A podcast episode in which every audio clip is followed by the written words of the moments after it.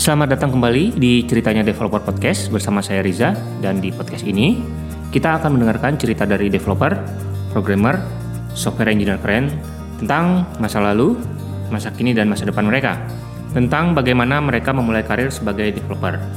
Dan kita juga akan mengorek-ngorek cerita tentang komputer pertama mereka, pengalaman ngoding pertama, hingga pekerjaan mereka sebagai developer. Cukup spesial karena kita kedatangan tamu spesial namanya Rizky Arestiansyah. Beliau adalah uh, public speaking ya, uh, sering melakukan speak di Indonesia maupun di luar. Yeah. Yang terbaru di Prancis, di Yeah. Paris, kemudian pernah juga di Jepang ya, pernah di US, PyCon US ya. Jadi insight-nya pasti akan sangat berguna buat kita semua. Boleh perkenalan diri dulu buat teman-teman yang belum kenal mungkin? Oke, eh, nama saya Rizky Aristiansa seperti yang diperkenal sama, sama Mas Reza tadi. Saat ini saya aktif sebagai Mozilla Tech Speaker Oke. dan juga aktif sebagai nge- ngebantu-bantu beberapa eh, perusahaan, terutama di bisnis sama infrastrukturnya mereka. Hmm, gitu ya. Dan eh, kan tadi saya udah sempat bilang Rizky udah sering melalang buana ke mana-mana gitu kan, talk gitu kan. Itu boleh ceritain nggak motivasinya apa sih gitu? Oke, kalau motivasi saya pertama ketika dulu uh, mau menjadi public speaking itu saya ingin tuh kenal banyak orang gitu. Kenal banyak saya, orang. kenal banyak orang, dapat gain knowledge yang baru gitu, Oke. bisa networking dengan orang-orang baru. Hmm. Dan itu keren banget menurut saya gitu. Keren ya, networking ya. Nah, eh, buat teman-teman yang belum ini, eh, belum berani, belum punya keberanian gitu, kira-kira apa sih benefit yang bisa kita dapatkan dari Oke. eh, melakukan public speaking? Kalau benefit uh, ketika kita melakukan benef- uh, apa public speaking itu sebenarnya yang tadi yang udah sempat dijelasin. Ya, tadi networking, networking ya. itu itu udah pasti itu benefit yang yang paling bagus lah gitu di Hmm. public speaking. Terus yang kedua itu itu menunjang jenjang karir jenjang karir kita gitu. Jenjang karir, Nah, oke. itu sangat menunjang sekali ketika kita udah ngelakuin beberapa public speaking gitu, kita udah punya portofolio yang bagus gitu. Dan itu sangat mendukung sekali gitu. Hmm. Terus ketika kita ngelakuin public speaking itu kita makin banyak ngeriset nanti. Riset, Karena- ya? iya, karena sebelum melakukan uh, speak itu pasti kita riset riset terus menerus Ya, gitu. ya, ya. Topik-topik Nah, yang menarik gitu iya. ya. Jadi ilmu-ilmu baru itu itu bisa kita dapatkan Bisa. gitu. Oke. Nah, eh, boleh ceritain nggak pengalaman pertama kali ngomong di depan orang? Jadi uh, pertama kali saya ngobrol uh, public speech gitu ya, di, Iya. di depan orang itu tahun 2011. 2011. Ya 2011 waktu itu ada kegiatan komunitas Linux di Nusa Tenggara Barat. Hmm. Oke. Nah waktu itu tuh saya dikasih kesempatan buat uh, mengisi acara waktu itu. Oke. Nah sa- saat itulah ya udah saya ketagihan jadinya gitu Oh, oke. menj- menjadi speaker waktu itu Hmm, gitu. Sejak saat itu saya mulai jadi ya public speaker gitu. Oke. Nah, pada saat itu apa sih yang dirasakan? Uh, rasanya wah itu nervous iya gitu Nervous, oke, nervous iya ya. nervous banget gitu. Nah. jadi saya belum tahu guideline yang jelas gitu public speaking gimana gitu jadi asal uh, nyamber aja gitu Hmm. Iya, ya waktu iya. itu asal nyamber aja karena waktu itu kan masih SMA gitu Masih SMA. Nah, ya udah asal-asal aja gitu dulu Hmm. karena belum punya guideline yang jelas gitu Terus masih grogi nggak sampai sekarang nervous? Uh, masih sih Masih ya? tapi jarang lah Nah, sedikit ya. Oke. Oke, sebelum kita lanjut, saya mau share sedikit nih tentang salah satu tools yang menjadi secret weapon saya, terutama dalam proses podcast. Mulai dari menyiapkan skrip, penjadwalan, tulis artikel, dan list to-do lainnya. Saya pakai tools yang namanya Notion. Notion adalah tempat di mana kita bisa menulis catatan, menulis rencana, kolaborasi, dan mengorganisasikan dokumen. Bahkan bisa untuk menulis buku. Banyak juga orang yang beranggapan Notion ini seperti wiki internal. Pokoknya hampir semua kegiatan yang saya lakukan menggunakan Notion. Untuk info lebih lanjut silahkan cek aja notion.so atau jika teman-teman mau support podcast ini bisa sign up-nya di ceritanyadeveloper.com slash notion. Sekali lagi dengan sign up ke ceritanyadeveloper.com slash notion N-O-T-I-O-N. Nah, sekarang kita masuk ke topik utama nih, Oke. Eh, tentang abstrak atau abstraksi. Kira-kira eh, punya strategi-strategi apa nih buat teman-teman supaya abstraknya menarik? Oke. Eh, saya punya strategi sendiri Hmm. nih kalau nulis abstrak gitu. Jadi yang eh, saya lakukan itu ada enam hal biasanya. enam, ya, oke. ada enam. Jadi yang pertama, yang pertama yang saya lakukan itu itu what do you want to talk about gitu. Oke, apa Saya yang mau diomongkan? Betul. Jadi saya mau ngomong apa nanti Mau gitu. ngomong apa? Saya harus uh, punya target dulu mau ngomong apa, audiensnya siapa nanti, Audiensnya terus level talk saya itu seperti apa gitu. Oh, kayak beginner, intermediate gitu-gitu. Iya betul Oke. sekali. Nah misal uh, talk saya tentang React.js atau JavaScript Hmm. Oke. gitu atau Python gitu, Oke. dan itu harus sesuai dengan sesuai juga dengan level-levelnya gitu. Dengan levelnya. Nah baru setelah itu yang kedua, yang kedua itu saya biasanya jelasin kedua sentence, kedua kalimat gitu. Dua kalimat. Ya jelasin talk yang sudah saya bikin di poin satu tadi, detailnya apa, saya jelasin kedua kalimat. Hmm. Oke. Bikin dua kalimat penjelasan tentang uh, uh, talk yang akan saya bawakan nanti. Mhm. Baru setelah itu yang ketiga saya bikin outline-nya. Bikin Nah, outline. Saya bikin outline. Nah, lewat outline ini benefitnya bakal banyak nanti. Outline ini benefitnya buat saya sendiri gitu sebagai Speaker? Jadi biar nanti nggak nervous gitu. Oh, oke. Jadi saya udah punya guideline nih. Hmm. Eh, talk saya akan seperti apa gitu karena udah ada outline ini. Ya. Terus benefit buat reviewernya juga nanti mereka ketika nge-review talk kita itu bakal jelas gitu akan jelas oh talk dia itu tujuannya ke mana dan Hmm. Oke. itu bakal jelas terus buat audiens kita juga nanti Buat audiens. ya jadi buat teman-teman yang menyaksikan talk kita nanti dan itu udah jelas oh talknya akan seperti apa gitu Ekspektasinya udah jelas ya? Iya, ekspektasinya udah jelas betul sekali. Terus yang keempat yang Yang keempat. yang eh, kita lakukan itu biasanya itu eh, step away gitu. Step away. Ya, step away. Di step away ini kita pergi gitu. Pergi. Ya, udah ninggal. Melupakan eh, abstrak tadi Iya. ya? Oke. Kita kita ninggalin gitu tiga empat hari atau satu dua minggu. Oke. Udah kita ninggalin eh, abstrak kita.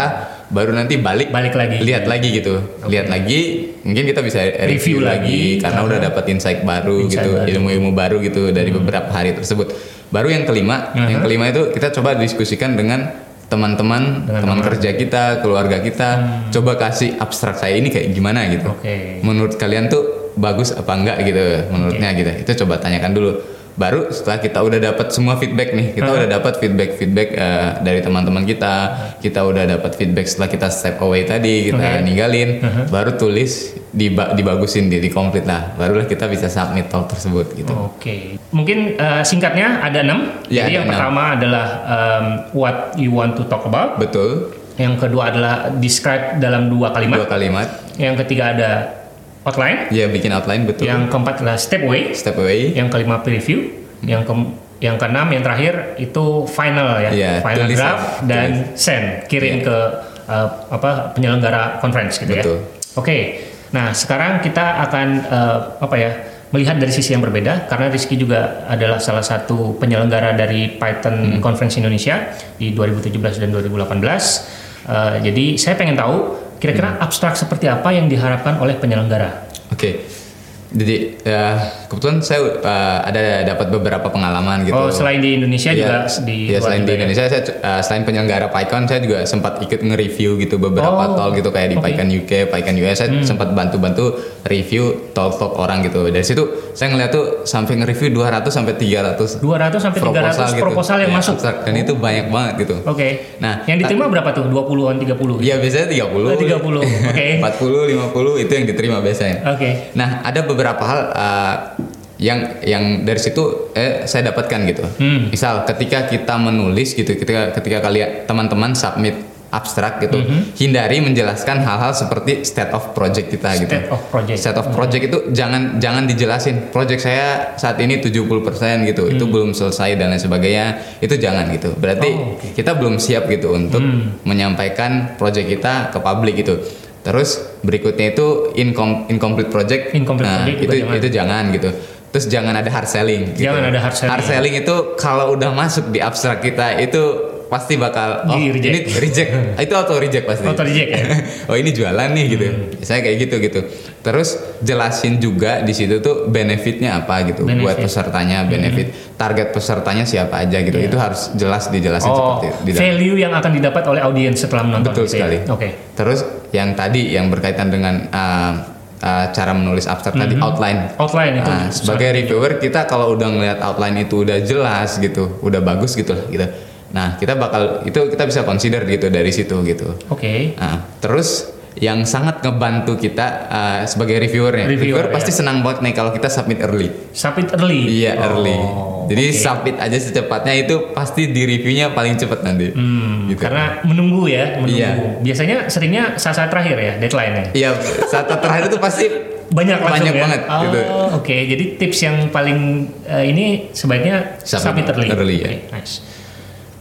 Oke, sekarang kita masuk ke eh, topik pembicaraan berikutnya yaitu eh, share dong tips-tips umum untuk public speaking. Oke.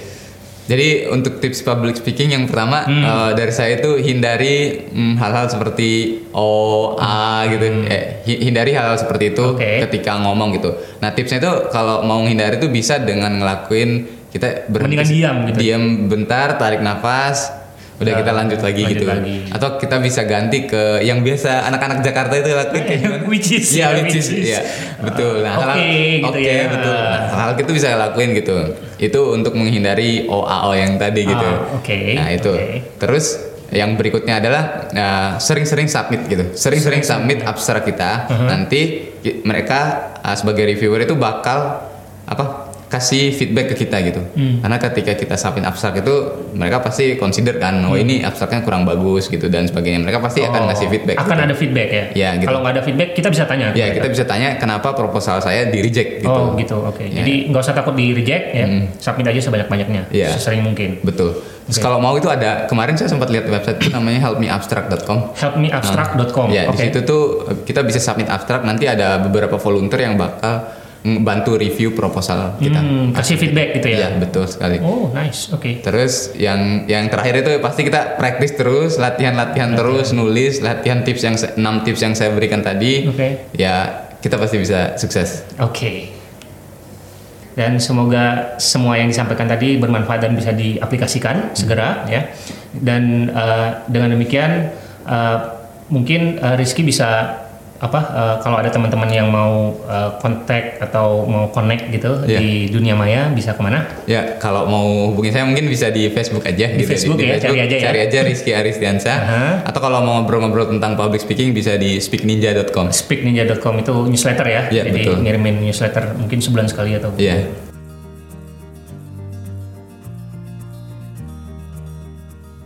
Itu dia episode ceritanya developer podcast kali ini. Gimana? Seru ya? Nantikan episode-episode ceritanya developer podcast selanjutnya ya. Catatan dan link penting yang disebutkan narasumber bisa dicek di website ceritanya developer.com. Ada satu pelajaran penting yang bisa diambil dari perbincangan saya dengan Rizky barusan. Sebenarnya banyak ya, banyak banget pelajaran yang bisa kita ambil dari Rizky, terutama tentang public speaking. Tapi ada satu tips yang paling nempel di kepala saya. Yang sangat ngebantu kita uh, sebagai reviewernya. Reviewer, Reviewer ya. pasti senang banget nih kalau kita submit early. Submit early. Iya, early. Oh, Jadi oke. submit aja secepatnya itu pasti di reviewnya paling cepat nanti. Hmm, Gitu. Karena menunggu ya, menunggu. Iya. Biasanya seringnya saat-saat terakhir ya, deadline-nya. Iya, saat terakhir itu pasti Banyak langsung Banyak ya. banget, Oh, gitu. Oke, jadi tips yang paling eh, ini sebaiknya Submit submit, early. early, ya. Oke, nice. Submit early, benar sekali. Jadi submitlah proposal talk kita secepat mungkin. Kemungkinan proposal kita diterima akan jauh lebih besar. Dan kalaupun di reject, jangan menyerah dan coba lagi, perbaiki lagi, dan submit lagi untuk conference-conference berikutnya. Terima kasih banyak sekali lagi buat Rizky atas tips-tips dan strategi menarik seputar public speaking. Kritik, saran, atau sekedar hai, silakan email ke rizafahmi@gmail.com atau mention di rizafahmi22 di Twitter. Sertakan juga hashtag ceritanya developer. Buat teman-teman yang mau support podcast ini agar terus ada, bisa dengan cara subscribe ke iTunes, search aja ceritanya developer podcast, terus langsung subscribe dan kasih rating serta komentar. Nah, kenapa iTunes? Karena tolak ukur kesuksesan sebuah podcast saat ini ada di iTunes. iTunes adalah media pertama yang percaya dengan format podcast. Jadi, semakin banyak subscriber di iTunes, semakin mudah teman-teman lain untuk menemukan podcast ini. Seru kan ya kalau banyak pendengarnya? Dan buat teman-teman yang bukan pengguna iTunes, gak apa-apa, bisa subscribe juga di podcast klien pilihan. Seperti Pocket Cast, Anchor FM, Spotify, Google Podcast, dan masih banyak podcast klien keren lainnya. Tinggalkan juga komentar dan reviewnya di sana. Subscribe juga ke newsletter Ceritanya Developer Podcast untuk mendapatkan informasi terbaru seputar podcast ini di ceritanyadeveloper.com slash newsletter. Dan teman-teman juga bisa support podcast ini dengan cara sign up ke Notion, notion.show di ceritanyadeveloper.com slash notion. Sampai bertemu di episode berikutnya. Bye.